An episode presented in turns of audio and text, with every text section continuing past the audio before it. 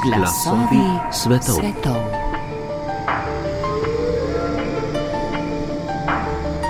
Letos mineva 300 let od rojstva Adama Smitha, enega najbolj vplivnih mislecev v zgodovini, filozofa, začetnika ekonomske znanosti in za svoj čas radikalnega zagovornika kapitalizma in prostih trgov, ki je v marsičem popolnoma obrnil na glavo pogled na to, kako delujejo družbe in gospodarstva, Njegove bolje ali slabše razumljene teze pa mnogi ekonomisti uporabljajo še danes. V tokratnih glasovih svetov se bomo spraševali, v čem je bila misel Adama Smitha tako revolucionarna, kaj je slavni propagator prostih trgov sploh zares verjel in kako so kasnejši ekonomisti njegovo misel popačili, kako gre vse to skupaj z njegovo moralno filozofijo, ter kako se nam njegove ideje kažejo v luči večstoletne zgodovine kapitalizma, ki smo ji bili priča od izida Smitovega znamenitega dela Bogatstvo narodov. Gostje v studiu so predavatelj na Ljubljanski ekonomski fakulteti dr. Bogomir Kovač, dr. ekonomskih znanosti in dr. znanosti z področja zgodovine Neven Borak ter predavatelj na oddelku za filozofijo Ljubljanske filozofske fakultete dr. Aljoša Kravanja. Lepo pozdravljeni. Dobar dan. Torej, dr. Kovač, morda za začetek ne. James Watt izumi parni stroj leta 1781 ne, in konvencionalno to nekako razumemo kot uh, začetek industrijske revolucije, ki potem prinese nek skokovit razvoj kapitalizma. Smitovo delo Bogatstvo narodov pravzaprav izide pet let pred tem, ne, leta 1776 in vendar on v tem delu ta prihajajoči kapitalizem že misli na način, ki je v nekaterih ozirih relevanten še danes. Kako je pravzaprav možno, da smo neko tako temeljno delo kapitalizma dobili tako rekoč pred njegovim resničnim nastopom ne, in kaj je tisto, kar Smith tako nekako uvidi vnaprej, zaradi česar je tako revolucionaren? No, če smo ravno pri uh, Vatu, ta sicer malo kasnejši javni nastop ne sopada z nekim drugim bolj simpatičnim. Natančno tisto leto, ko izidejo Smitovo srednje delo, je pravzaprav vat tudi opravita en izmed glavnih poizkusov in takrat pravzaprav ta njegov izum parnega stroja tudi na nek način začenja eh, krožiti potem v javnosti. Tako da recimo je ta koincidenca še toliko bolj očitna. Eh, Adam Smith je na nek način v tedanjem času združil. Vse, kar je eh, v nekem danem trenutku bilo mogoče združiti z vidika neke dolgoletne tradicije, socialne filozofije, če bi jo tako imenovali, recimo v angliškem prostoru, na drugi strani je kot dober poznavalec eh, domačih razmer, vendarle eh, je odraščal v nekem poslovnem okolju. Eh, njegov oče, ki ga sicer ni poznal, ker je umrl pred eh, njegovim rojstvom, je bil vendarle državni uradnik, carinik, dejavnost, kateri se je potem po svoje zapisal kasneje tudi uh, Smith. Tako da je zelo dobro poznal na eni strani poslovno okolje, to je svet še vedno manufaktur, Škotska, ki je njegova temeljna država, je izrazito nazadnjaško agrarna država, se pravi polna nekih še feudalnih pravic in krati tudi agrarnih, agrarnih industrijskih poizkusov. Tisto tam spodaj v Angliji, kamor se potem relativno zgodaj, že kot študent, pravzaprav ali pa kot eh, človek, ki je še v izobraževalnem procesu na Oxfordu, eh, začenja izobraževati in krati seveda tudi opazovati ta industrijski del tedanje razvite Evrope. To je tisto, kar je najbolj oblikovalo ta njegov svet. On je na eni strani, treba se zavedati, moralni filozof po svoji osnovni edukaciji in hkrati pravzaprav pragmatik, ki je živel v nekem vendarle rekel, živahnem obdobju ali krčenja ali pa odvajanja od eh, agrar, prevladujoče agrarne produkcije, tudi on se je potem zelo, zelo osredotočil na kritiko eh, doktrine, ki je pravzaprav to skušala na nek način udejaniti, to je bil fiziokratizem. In eh, na drugi strani je bil seveda človek, ki je se, kolikor so pripovedovali, eh, takrat, eh, ko je obiskoval Anglijo, ko je bil v Oxfordu ali Londonu, je zelo dobro poznal in se tudi družil z ljudmi pravzaprav spodnjega sloja, se pravi, poznal je socialno stanje te družbe, ki seveda ni bilo niti slučajno lepo v, tej, v tem času, kot bi rekel, majs prvobitne akumulacije kapitala. To je potem oblikovalo med drugim tudi ta njegov eh, širši socialni čut, ki je v teoriji moralnih občuti, ker je on deloval v izhodišču kot moralni filozof, potem kasneje določalo tudi njegovo temeljno ekonomsko misel manj je Smith pravzaprav to, kar ste tudi uvodoma rekli, da mogoče tudi potem kasneje pridemo do tega. Smithu se glede kapitalizma pripisuje nekaj, čemu pravzaprav Smith ni niti slučajno bil niti naklonjen, niti o tem tako ni pisal. To se pravi, gre za to, da odkrivamo po stoletjih nazaj, kaj je pravzaprav Smith dejansko mislil ali zapisal, in potem seveda, da razkrijemo, kaj je pravzaprav v tistem njegovem miselnem svetu najbolj bistveno. To, kar mu pripisujemo, ta tako imenovani čikaški smit, je bil na nek način smit, ki so mu kasneje kot paravan za določeno politično ideologijo, zlasti eh, relativno preprostega liberalizma ali pa potem kasneje še neoliberalizma, ti so pravzaprav smita izrabili, uporabili in zmanipulirali, zato da danes o smitu zelo pogosto mislimo ne to, kar je smit dejansko bil. Doktor Neven Borak, ne ravno v zvezi s tem bi vas nekaj vprašala, torej ta neka najbolj znana sintagma, um, ki jo povezujemo z Adamom Smithom, je nevidna roka trga ne? in v današnjem smislu tu pomislimo na neko idejo, kako pravzaprav prosti trg um, bi moral delovati brez vsakih regulacij, umešavanja države in bi na ta način kar nekako čudežno prinesel gospodarski razvoj in blagostanje za vse.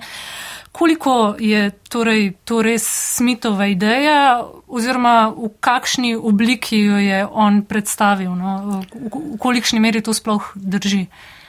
Smith je metaforo nevidna roka uporabil trikrat samo v življenju. Prvič je uporabil v svoji razpravi o astronomiji iz drugačnega zornega kota, kot pozneje drugič je uporabil v teoriji moralnih občutij, tretjič je uporabil v eh, bogatstvu narodov. Naj najprej povem, da živimo desetletja in desetletja z napačnim prevodom naslova te knjige. Kdor je knjigo v roko vzel, je videl, da je to knjiga, ki govori o državi, ne o narodu. To je bistvena razlika kajti ta knjiga je bila pisana kot ostale knjige tistega časa, ki so na svoj vrsten način oblikovali predloge ali opisovali, kako naj bo država organizirana, kakšna naj bo delitev oblasti v državi in kaj je vloga vladarja. In točno to najdemo v smitu. Eh, to metaforo nevidne roke je uporabil v kontekstu trditve, da smo ljudje sebični in da s tem, ko sledimo svojim lastnim interesom, skrbimo tudi za interese drugih in na koncu tudi za javno dobro. In da vse skupaj to vodi neka nevidna roka, se pravi, ni plot nekih zavednih dejanj, zavednih akcij, zavednih odločitev, ne posameznikov, ne kakršne koli skupine in tudi nobenega družbenega dogovora, ampak to je zunaj človeka. In ta nevidna roka bi lahko bil Bog, ne? lahko bi pa bila tudi to, kar je verjetno bolj imel v mislih nekaj, kar je posledica naravnega prava in pogleda na to, da so to zakoni, ki so neodvisni od človeka, ampak uravnavajo njegovo življenje. In ta metafora je verjetno najbolj zlorabljen del njegove knjige, ker on nikjer ni zapisal nevidna roka trga. On je govoril samo o nevidni roki kot o nečem, kar uravnava delovanje ljudi ljudi pa imajo naravni nagon, ki ga tudi ni pojasnil, kot prihaja, to je, da so sebični in da želijo sebi dobro in s tem, ko želijo sebi dobro, delajo tudi v prid skupnosti. Dodal bi samo k tistemu, kar je dr. Kovač urisal, še to.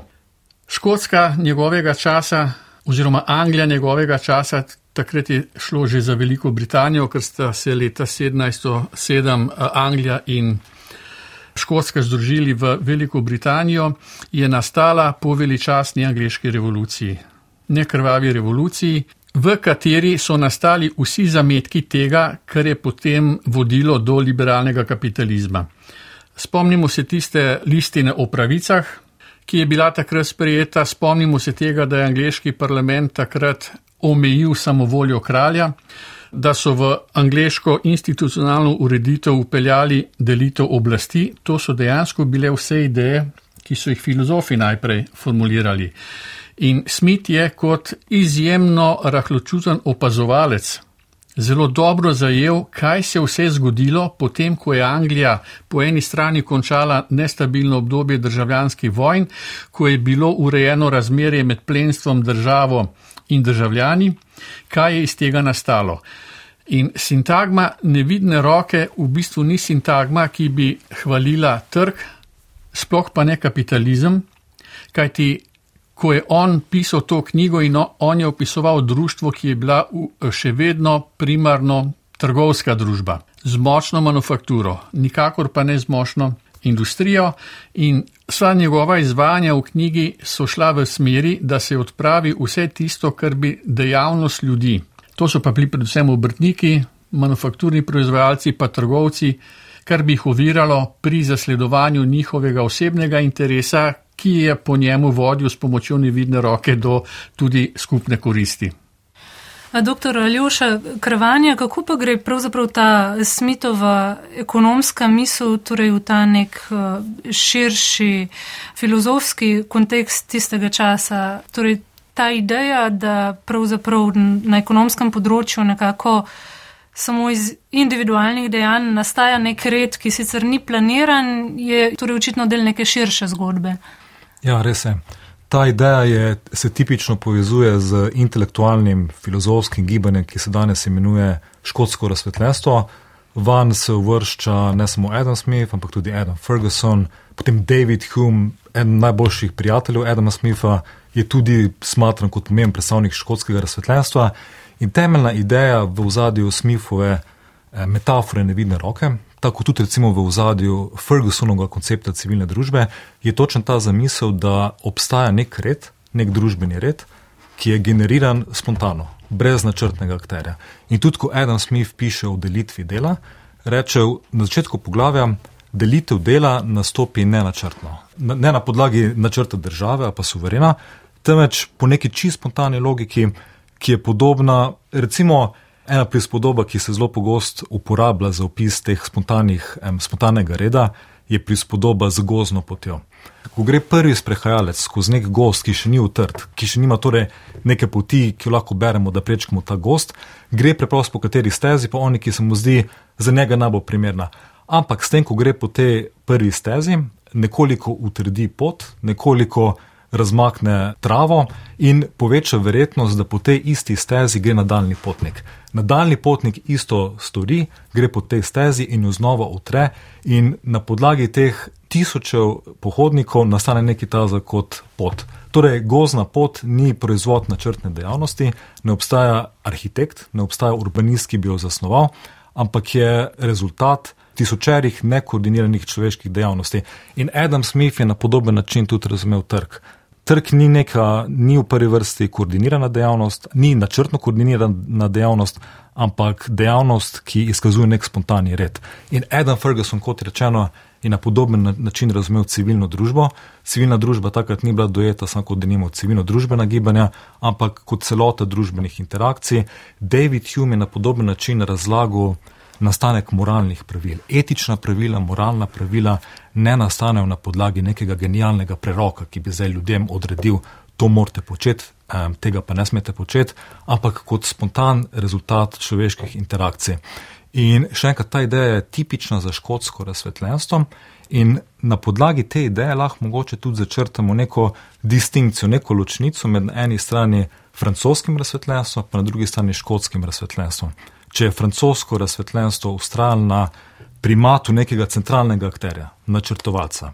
Tudi razsvetljenega absolutnega suverena, je na drugi strani škotsko razsvetljenstvo odkrivalo v človeških skupnostih, v družbah nek spontan red. In ena metafora, ki je pa recimo neka, kako bi rekel, neka primerjava, ki se jo pogosto navaja, da se ilustrira to razliko med škotskim in francoskim razsvetljenstvom, so vrtovi. Zdaj, kaj velja za francoske vrtove? Zato, da so geometrični, da so maksimalno urejeni, da izkazujejo to, da so nastali na podlagi načrta enega samega akterja, umnega načrtovalca tega vrta.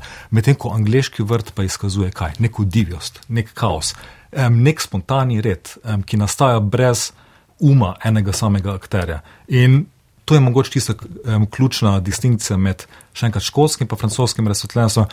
Na eni strani imamo škotsko razsvetljenstvo, ki je podarjalo vlogo spontanega reda v stvarnosti, na drugi strani pa francosko, ki je podarjalo um, vlogo uma in centralnega načrtovalca in s tem tudi nekega centralnega suverena. Doktor Kovač, če se navežem kar na to, ne, torej eh, si v francoskem kontekstu zlahka potem predstavljamo, da je naloga vladarja, da nekako umno vodi tudi gospodarstvo svoje države in tako naprej. Ne. Kaj pa potem v smitovem svetu, kaj po njegovem vloga vlade v um, kontekstu ekonomije, kot tudi družbe nasploh? No, zagotovo smo zdaj, po mojem mnenju, dobro pokrili ne, tisto, kar je blizu rekli bi, avtentičnemu Adamu Smithu. Ne?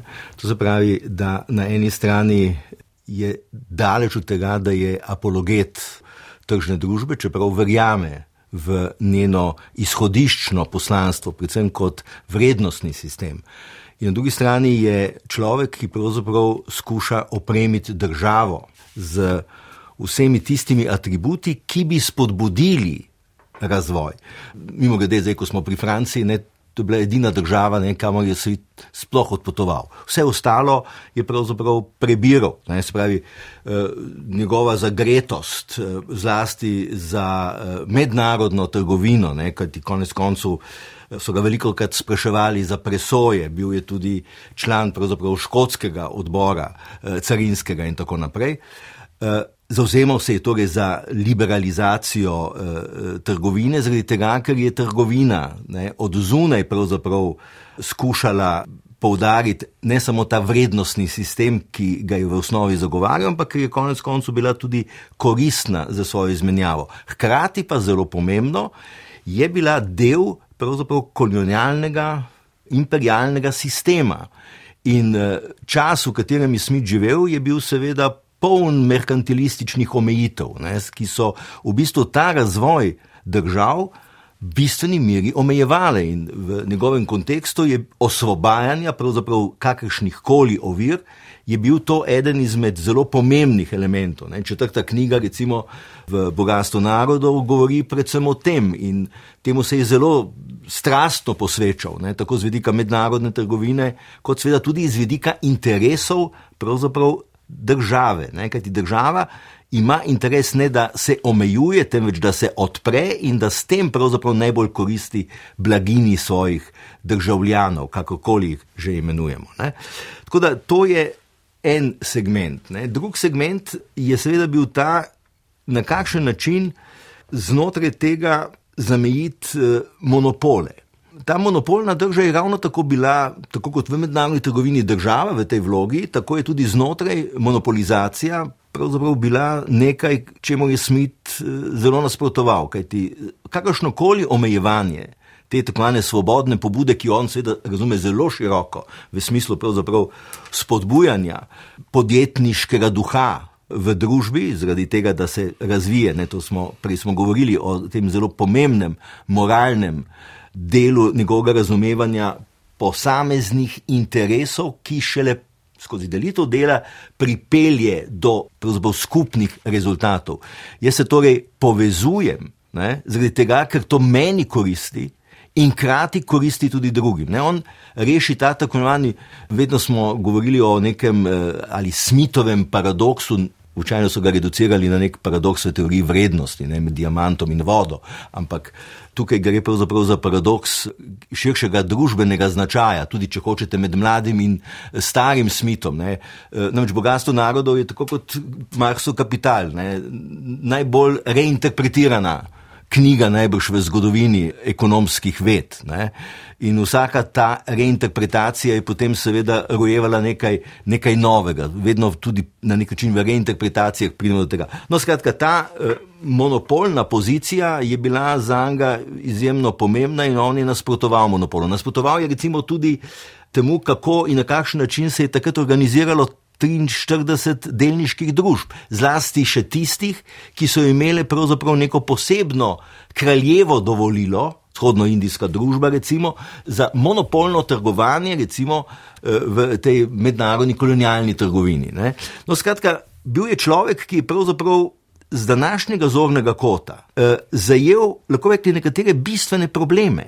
In zato je danes tako aktualen. Ne? Na eni strani, spravi, sproščanja mednarodne trgovine, kaj pravzaprav smo dosegli v 20. Eh, stoletju, zlasti po drugi svetovni vojni, drugega kot to, potem sproščanja v bistvu notranje konkurence, skratka, regulacija monopolov je danes ena izmed temeljnih postavk, seveda, kot vidite, vedno ne uspe, potem spodbujanje podjetniške eh, inicijative, zopet govorimo o, če hočete, podjetniški državi kot nekemu cilju transformirane države. Skratka, njegov sistem, kamorkoli je posegal, je bil sistem, ki je na nek način osvobajal. Zdaj, kontekst filozofski smo pravzaprav videli, tudi širši družbeni kontekst. Ne? Zakaj je Smith na teh stališčih ne? in zakaj je pravzaprav danes še vedno aktualen. Tako kot je aktualen za svojo moralno filozofijo, kajti ko pravzaprav razrešuje problem, kot bi temu rekli v sodobnem jeziku, javno-zasebnega partnerstva. Je pravzaprav nekje v središču sedanjih diskusij. Ne?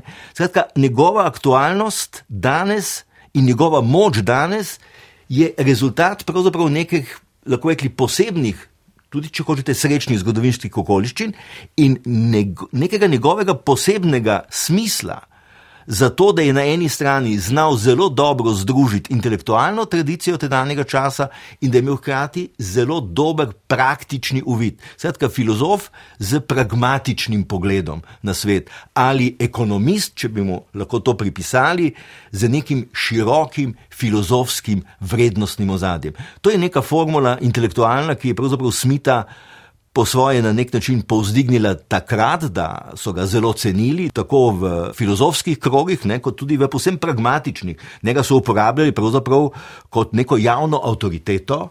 Kadarkoli je prišlo do težav, ne, če je bilo treba sklepati v angliškem parlamentu o menedžerskih plačah v 43 delniških družbah, so poklicali Smita. Ko je propadla ena od komercialnih bank, ne, to so zdaj take zelo sodobne teme, ne, je pravzaprav on bil tisti, ki je dejal neka svoja mnenja. Da ne govorimo seveda jasno o teh silnih eh, sporih, ki so bili zlasti v tedanjih mednarodnih ekonomskih odnosih eh, do Francije, Portugalske, pa seveda tudi jasno do ostalih kolonialnih sil, ki so tako ali drugače druga drugo omejevale in zamejevale v mednarodni trgovini. Doktor Neven Borak, zdaj je doktor Kovač omenil kupico enih smitovih idej. Um, mislim pa, da se nismo še toliko dotaknili tega vprašanja uh, delitve dela, ki sta ga že oba sogovornika sicer omenila. Ne? Zakaj je pravzaprav to za smita tako pomembno, ker spet gre za neko stvar, ki je danes pravzaprav pripeljana skoraj do absurda, ko en izdelek delamo na čisto različnih uh, koncih sveta. Ne? Kako to uh, razumeti v kontekstu njegovega časa in na kakšen način pravzaprav on vidi to delitev dela? Torej, tista velika inovacija, ki jo je Smith pripeljal v razumevanje družbe, je vloga dela nasploh. S tem se je odmaknil tako od fiziokratov, ki so vir bogatstva videli v kmetijstvu, se pravi v eni dejavnosti in s tem se je popolnoma odmaknil od merkantilistov, ki so vir bogatstva videli v denarju. Njegova zamisel je bila bogatstvo države, je letni produkt, ki ga prebivalci te države ustvarijo. Ta letni produkt je pa odvisen od razvejanosti delitve dela, delitev dela je pa omejena s trgom. Se pravi, vse, kar deluje v odpravo umetnih omejitev trgu, te umetne omejitve so lahko tudi neobstoj cest, te umetne omejitve je obstoj monopolov, umetne omejitve so prepovedi trgovanja z določenimi proizvodi, konec koncev omejitev je bila tudi kolonialna trgovina. On je vsem tem videl predvsem omejitve za nadaljno specializacijo dela. In to je tista velika novost, ki jo je v bistvu pripeljal, da se gleda, da je vendarle vir vsega bogatstva človeško delo in s tem je odpravil z vsemi tistimi pogledi, ki so tudi še v njegovem času bili zelo prisotni, da vidijo vir bogatstva v nečem drugem, ne pa v tistem, kar je. Uh, v bistvu jaz nikoli smita nisem bral ali poskušal razumeti iz tega zornega kota, kaj danes v njem vidimo. Jaz mislim, da ga je treba gledati v okviru časa, v katerem je bil, v odnosu idej, s katerimi se je spopadal in ki jih je razvijal. Predvsem je bil glasnik neke družbene reforme, ki se je najprej vzpostavila v Angliji. Čeprav so Smita poznali tudi po celi Evropi, je njegova misel več kot 150 let rabila, da je prodrla vse končke Evrope, pri čemer niti slučajno ni opravila takega vpliva, kot ga je opravila ravno v okolju, v katerem je bil doma. Zanimivo je, gledal sem eno doktorsko disertacijo enega pokojnega srpskega ekonomista, ki je obdelal zgodovino ekonomske misli na območju nekdanje Jugoslavije. Nikjer Smita ni omenjenega ali kakega njegovega zagovornika med ljudmi, med osebami, ki so v 19. in 20. stoletju recimo pisali, v Smita smo odkrili preko Marksa po letu 45 v resnici. Marks je pa od Smita v Smitu predvsem videl človeka, ki je prvi postavil delo v središče opazovanja in ki je eh, na nek način začrtal temelje za tako imenovano delovno teorijo vrednosti, na kateri je pa vs Marksov ekonomski opus sledil. Se pravi, če še enkrat ponovim, on se je upiral vsem oblikam monopolov iz preprostega razloga, ker je v tem vidu oviro specializaciji in delitvi dela. Ta ovira je pa tudi pomenila, da je zaradi tega letni dohodek družbe oziroma države manjši, kot bi bil, če teh omejitev ne bi bilo. To je vendarle malo drugačno gledanje, kot samo besi se pa zdaj zagovarjajo konkurenčni sistem. Tudi fiziokrati so, konc koncev fiziokrati so izumili tisto krilatico laissez-faire, laissez-passer, ki je postala pravzaprav krilatica uh, liberalno-kapitalističnega gibanja, čeprav fiziokrati niso sodili v liberalni kapitalizem. Aljoša Kravanja, zdaj kljub temu, ne, da vse čas nekako govorimo o tem, kako to smitovo zagovarjanje prostega trga vendarle vedno poteka v, nekako v službi tega skupnega dobrega, ne, pa se vendarle zdi, da ta ideja, kako pravzaprav vsak zasleduje neke svoje sebične interese, v sami osnovi ne predstavlja ravno ne, človeka kot nekoga, ki bi živel v neki najbolj moralni drži. Ne? Ampak kljub temu Smith je napisal še eno pomembno delo, ki se pa ukvarja prav z moralo človeka na tej čisto osebni ravni, ne? torej ne z nekim skupnim uh, družbenim dobrim. Kako gre torej tu vse skupaj nekako? Ja, na prvi pogled je res težko. Ne? Na eni strani imamo Smitha, ki je utemlitev ekonomije kot eh, znanosti, Na eni strani imamo torej Smitha, ki verjame v sebičnost kot poglavitno človeško motivacijo, na drugi strani imamo pa mlajšega Smitha, ki um, je avtor knjige The Theory of Moral Sentiments, torej teorija moralnih občutij. In na prvi pogled se zdi, da je res to protislove hudo, da je skoraj nespravljivo. Mislim, tudi v literaturi o Adamu Smithu obstaja neki izraz, da je Adam Smith pro problem ki se nanaša na točno vprašanje, kako spraviti med seboj ta dva aspekta Smithove filozofije. Vidite, da zveni nemško, ker je to stvar nemške. Ja, ker Nemci so slovijo potem, da so nacionalne šole. Tako, da so pisali zlasti in ja, da hočejo ja, ja, spraviti ja, skupaj. Tudi oni so to spravili skupaj. No, ja. Pustite, ja, ker se meša. Um, In ok, če odpremo The Theory of Moral Sentiments na prvi strani in knjiga se res začne tako, sred stvari same, vidimo opis človeka, pred nami se znajde človek, ki absolutno ni sebično bitje, ki ga v prvi vrsti okarakterizira to, kar Adam Smith imenuje simpati. Torej, sim, eh, ne toliko simpatija, ampak empatija. Danes bi uporabljal prej besedo empatija. Ko Smith opiše, kaj je ta empatija, oziroma simpatija po angliško, navaja primere, s katerimi smo vsi seznanjeni. Govori o tem, da ko gledamo nekega vrvohodca, ki hodi čez neko um, globino, na vsem zastaja dih in sami sebe um, vidimo na njegovem mestu, kako že padamo v globino. Za njega je ta delitev občutkov z sočlovekom primarno dejstvo človeške eksistence in človeškega moralnega življenja, človeškega etičnega življenja prav tako. Ta knjiga, Teorija moralnih občutij, je nenavadna ne samo v tem pogledu, če jo primerjamo z Smithovo drugo knjigo, ampak če jo primerjamo z siceršno moralno filozofijo. Ko odpremo Aristotla, ko odpremo Kanta, ko odpremo tudi recimo utilitariste, lahko vidimo, da se klasiki moralne filozofije ukvarjajo z vprašanjem, kaj storiti, kaj je tista dobra stvar, ki jo naj naredimo. Adam Smith se s tem vprašanjem ne ukvarja. Preprost privzame, da smo ljudje spontano etična bitja, bitja, ki spontano sočustvujemo eno z drugim in začne preprosto opisovati naše interakcije. V kakšnih interakcijah se dnevno znajdemo kot takšna moralna bitja, za katere je v prvi vrsti značilno sočutje. In Smith opisuje tako, kako bi rekel, vsak dan je na vides filozofske pozornosti nevredne fenomene, kot je recimo naša reakcija na to, da vidimo, da se drugi ljudje ne smejijo našim šalam. S tem se ukvarja v svoji moralni filozofiji. Opisuje potem, recimo, odgovarja na vprašanja, ki danes prej kot v etiko, prej kot v moralno filozofijo spadajo v neko socialno psihologijo. Da nimo za eno od vprašanj, ki ga načne na samem začetku knjige, je vprašanje, zakaj nam je bolj pomembno, da naši prijatelji sovražijo naše sovražnike, kot pa da so prijatelji z našimi drugimi prijatelji. Zakaj nam je torej bolj pomembno to, da se ljudje okoli nas strinjajo z našimi sovraštvi, kot pa z našo naklonjenostjo. S takimi na vides, ne na, torej še enkrat filozofske pozornosti, nevrednimi vprašanji se ukvarja.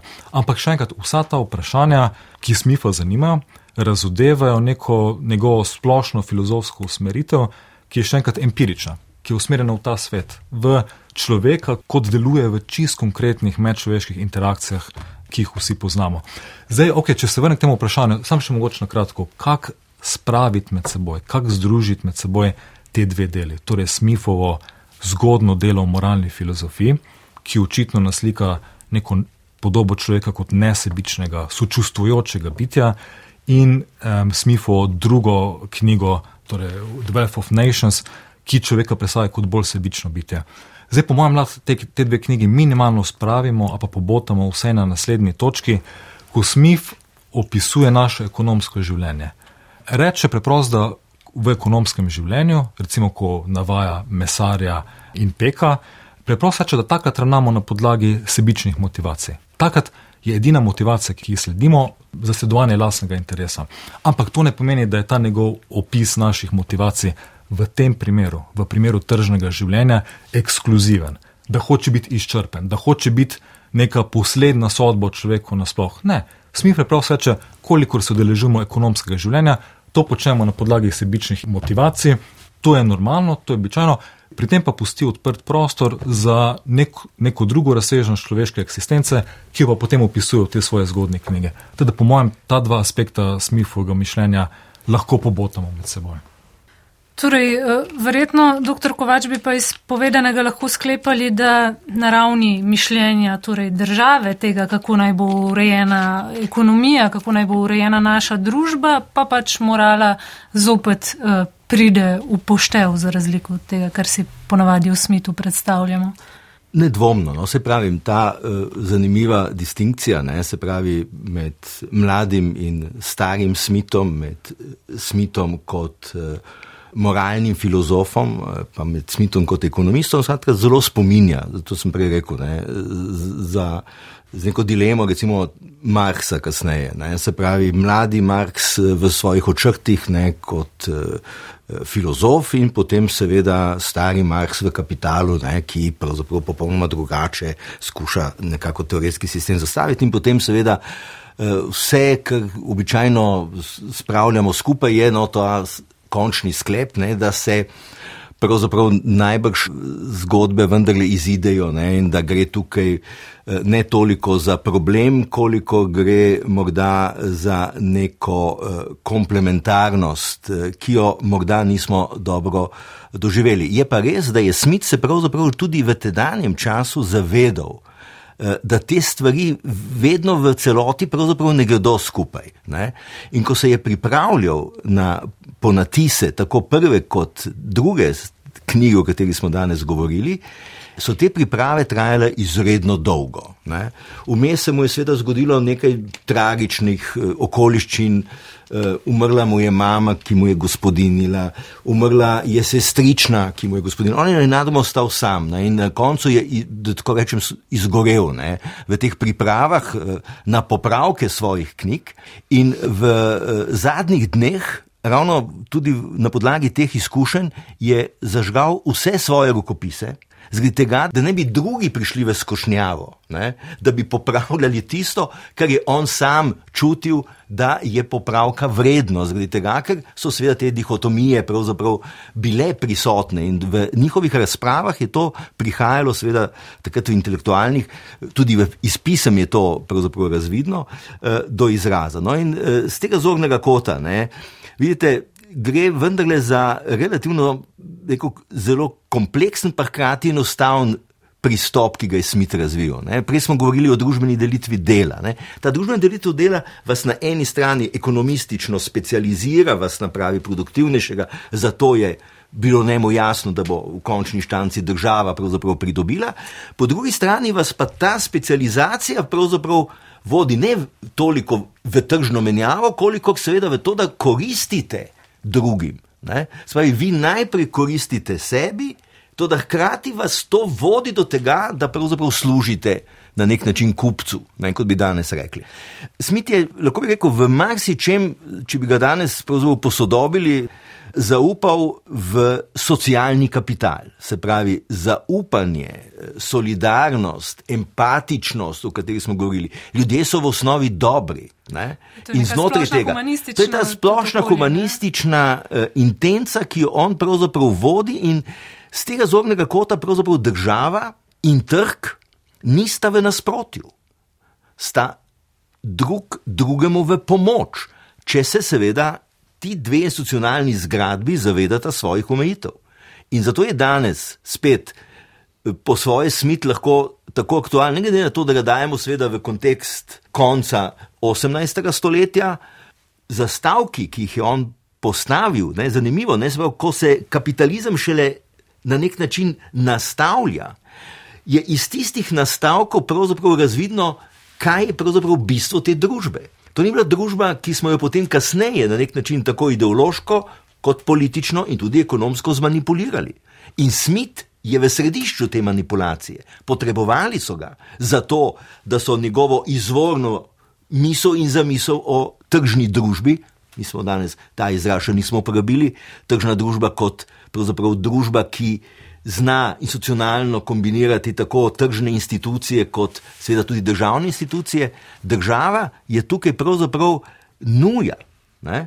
V osnovni celici tržne ekonomije, ki jo ponazarjamo recimo z formulacijo blago, denar, blago, stoji denar. Denar je politično blago, denar je monopolno blago. Se pravi, v osnovni celici tržne menjave imamo državo ne, z svojim denarnim sistemom. Ne, zato nimamo množice zasebnih denarnih sistemov, ampak imamo, ne glede na to, kaj banke pravzaprav so in kako se denar izdaja, imamo monopolni politični ustroj denarne ekonomije. Država je torej v sami srčiki. Ne, se, mimo grede, Smith se pravzaprav z denarno ekonomijo tega tipa pravzaprav ni ukvarjal. Ne. Tudi kapitalizma ne, ne boste v njem našli. Tako kot pri Marksu, ne boste nikjer našli pravzaprav opredeljevanje kapitalizma. Vse, kar se je tukaj kasneje naredilo, se je Smithu začelo pripisovati. Zaradi tega, ker so preprosto v njem videli najprej zelo široke nastavke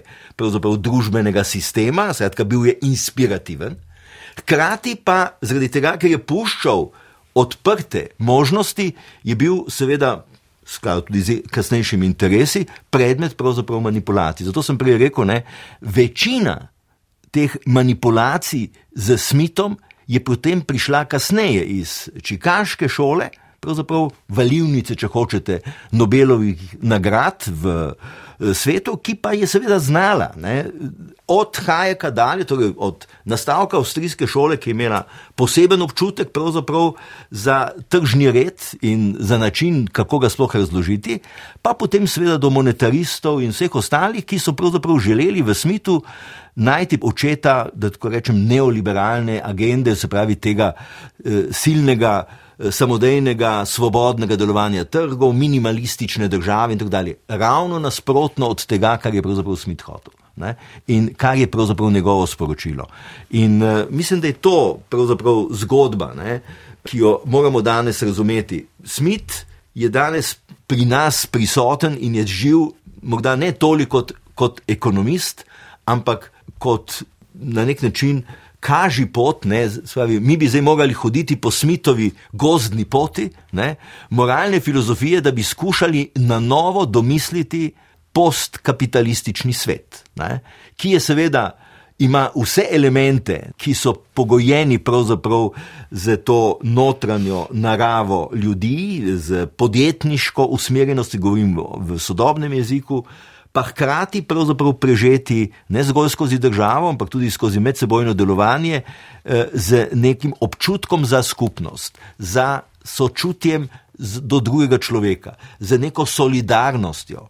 Zato sem rekel, on je izjemno dobro. Eh, zapisi, ki jih je on pisal, zlasti v svoji korespondenci, kako je šel, eh, zlasti se pravi, ni Glasgow, v bistvu takrat na Škotska, to, kar je on lahko videl, ampak ko se je v bistvu gibal po Angliji ne, in ko je videl, v kakšnih razmi, razmerah živijo ljudje, in ko je opisoval potem, tako kot v filozofiji, ne, da je metafore in prigode, tako je opisoval bedo teh ljudi in imel zelo empatičen pristop do tega. Država mora reševati ta vprašanja, ni jih naslovil tako neposredno, ne, v, v nekem smislu redistributivne države eh, sodobnega kenzijanskega tipa, ampak kljub temu z nekim jasnim sporočilom, kaj pravzaprav država mora storiti, oziroma kaj ji omogoča tržna družba, da lahko seveda potem na nek način eh, država uredi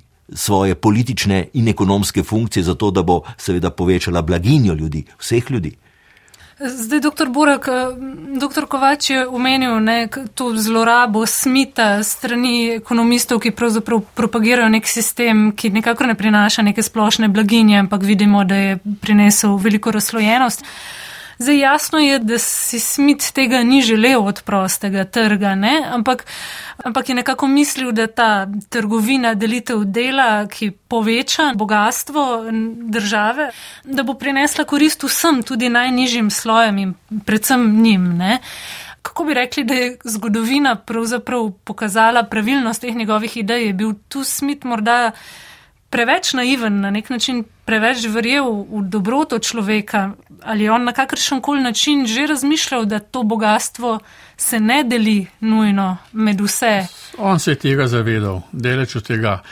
Uh, vendar je o smitu je treba razmišljati v kategorijah, ki jih je razvil v svojih knjigah.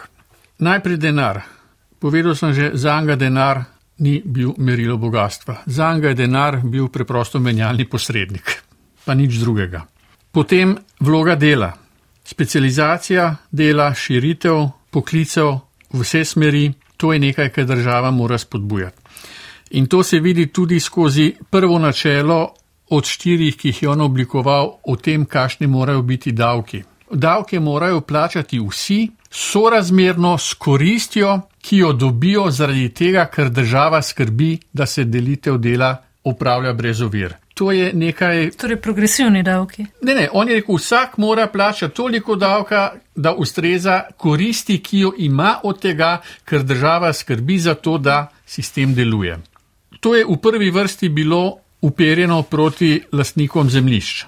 Potem njegov pogled na nagrajevanje produkcijskih tvorcev. V bistvu do, do sedaj se nismo dotaknili tega, da je on v tej svoji knjigi upeljal, lahko mirno temu rečemo, tri produkcijske faktorje. Najprej delo, ki je od začetka prisotno, drugi Zemljišče je postal produkcijski faktor, ki nosi rento zaradi tega, ker je nastala lasnina, ne?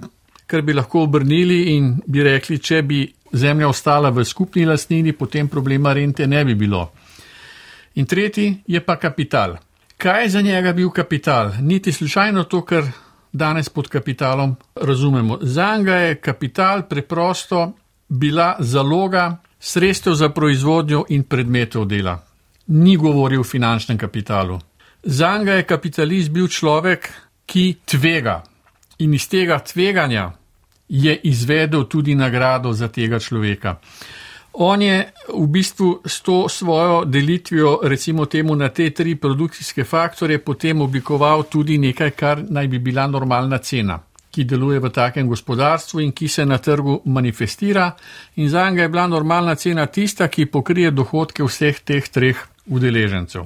In vloga države pri njem se je dejansko končala s tem, da odpravlja ovire trgovanju, se pravi delitvi dela, da upravlja javna dela, ampak ne javna dela v današnjem smislu. Država mora poskrbeti za mostove, država mora poskrbeti za ceste, država mora poskrbeti, to je eksplicitno tudi napisano, za vse tisto, kar koristi družbi, pa ni mogoče nasloviti na konkretno skupino ljudi. Da se je pa ta njegova misel izrodila pod manipulacijami, o katerih je dr. Kovaš govoril, je preprosta pa posledica tega, da ljudje niso vsi enaki. Čeprav si vsi zauzemajo za korist po njegovi teoriji, vendarle nastaja med temi ljudmi neko grupiranje, nastajajo skupni interesi, moč se različno porazdeli in različne skupine imajo različen vpliv na oblast. Zanimivo je to, recimo Napoleonu so pripisovali, da je Anglijo omalovaževal eh, s trditvijo, da je to država trgovcev oziroma kramarjev. Ne. To je smito izraz. Nisi ga Napoleon zmislil. Napoleon je celo potem trdil, da to uh, nikoli ni rekel in mislil tako. Smit je rekel, ne, da bi bilo narobe graditi imperij za trgovce s tem, da zasedeš druge države in jim pridobiš kupce. Ne. Rekel, to ne bi šlo. Ampak rekel, narobe je pa, če se imperij gradi tako, da trgovci dobijo vpliv na oblast in potem uporabljajo javna sredstva za zasledovanje zasebnih interesov. Tu je bil tudi del doseženja. Poglejte, vse vojne, ki se danes vodijo, kaj so pravzaprav, kakšne vojne so. To so vojne, kjer se uporabljajo javna sredstva za zelo jasno identificirane skupinske ali preprosto temu rečeno zasebne cilje. In to ni sistem, ki ga je on risal.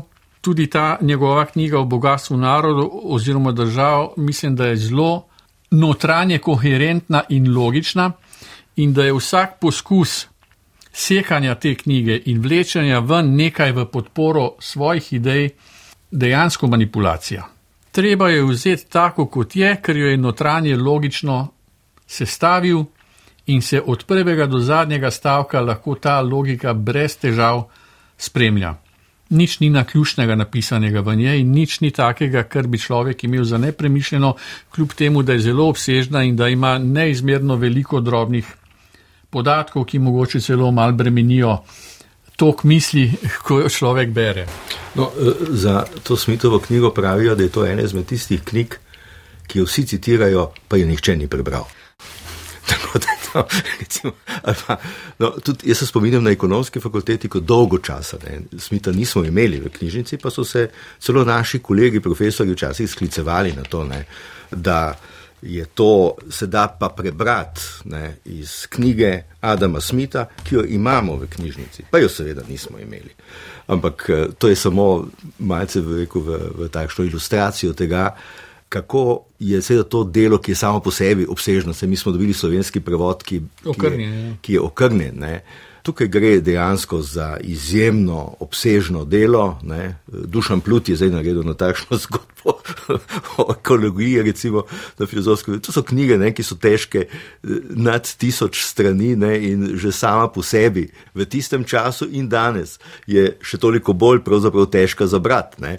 In po drugi strani se strinjam, ne, knjigo je treba gledati eh, kot celoto, knjigo je treba postaviti v njegov zgodovinski kontekst in šele znotraj tega je potem mogoča interpretacija in reinterpretacija Smita. Samo toliko bi interveniral, ni jo težko brati, ker knjiga je izredno lepo. Pisana. Absolutno, to se pa strinja, ker on je literarno, literarno zelo, zelo, zelo dobro. On je nekaj ja. časa živel tudi kot literarni tako kritik. Je, tako je. Tako da je bil načitan in nekateri celo pripisujejo, da je besedno zvezo nevidna roka pobral iz Macbeta, kar je tudi o Shakespeareu predaval. In eh, Macbetova žena v nekem trenutku uporabi ta izraz, ko ima tiskrval nožne in ga povezuje z nevidno roko. Da bomo še bolj profani, eh, nekateri pravijo, da je to od eh, malega pogrošnega romana Defoja Moll Flanders. To je bila podjetnica ne? In uh, ona je z nevidno roko, to pomeni, da je roka, ne? zato pravim, da je to simpatična metafora, to je namreč roka pod mizo, pod mizo. Ki, ki deluje pravzaprav tako, kot deluje kapitalizem, ne? se pravi z uh, takšnimi drugačnimi finančnimi poslovnimi manipulacijami. Tako da okoli to vrstnih literarnih metafor. Seveda, jaz eh, se popolnoma strinjam, izjemno dobro napisano delo. Jaz sem samo mislil, eh, ker imam stalno sodobne refleksije, da je v eh, času tweetov pravzaprav zelo težko pristopiti k knjigi, ki ima 1100 ali pa več strani ne? in z tega zornega kota ne, je to težko branje. No, če ne drugega, bodo pa morda poslušalci vsaj poslušali tole oddajo. Ne? Najlepša hvala vsem trem za pogovor, če se je čas nekako iztekel. Hvala. hvala.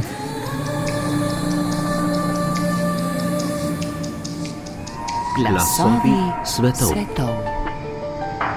S tem smo prišli do konca tokratnih glasov svetov. Ob 300-letnici njegovega rojstva smo se o Adamu Smithu pogovarjali z ekonomistoma dr. Bogomirjem Kovačem in dr. Nevenom Borakom ter filozofom dr. Aljošo Kravanja. Oddajo, ki ste jo v preteklosti že lahko slišali v intelekti na prvem, je posnel Gašpr Loborec, pripravila in vodila sem jo Alja Zore.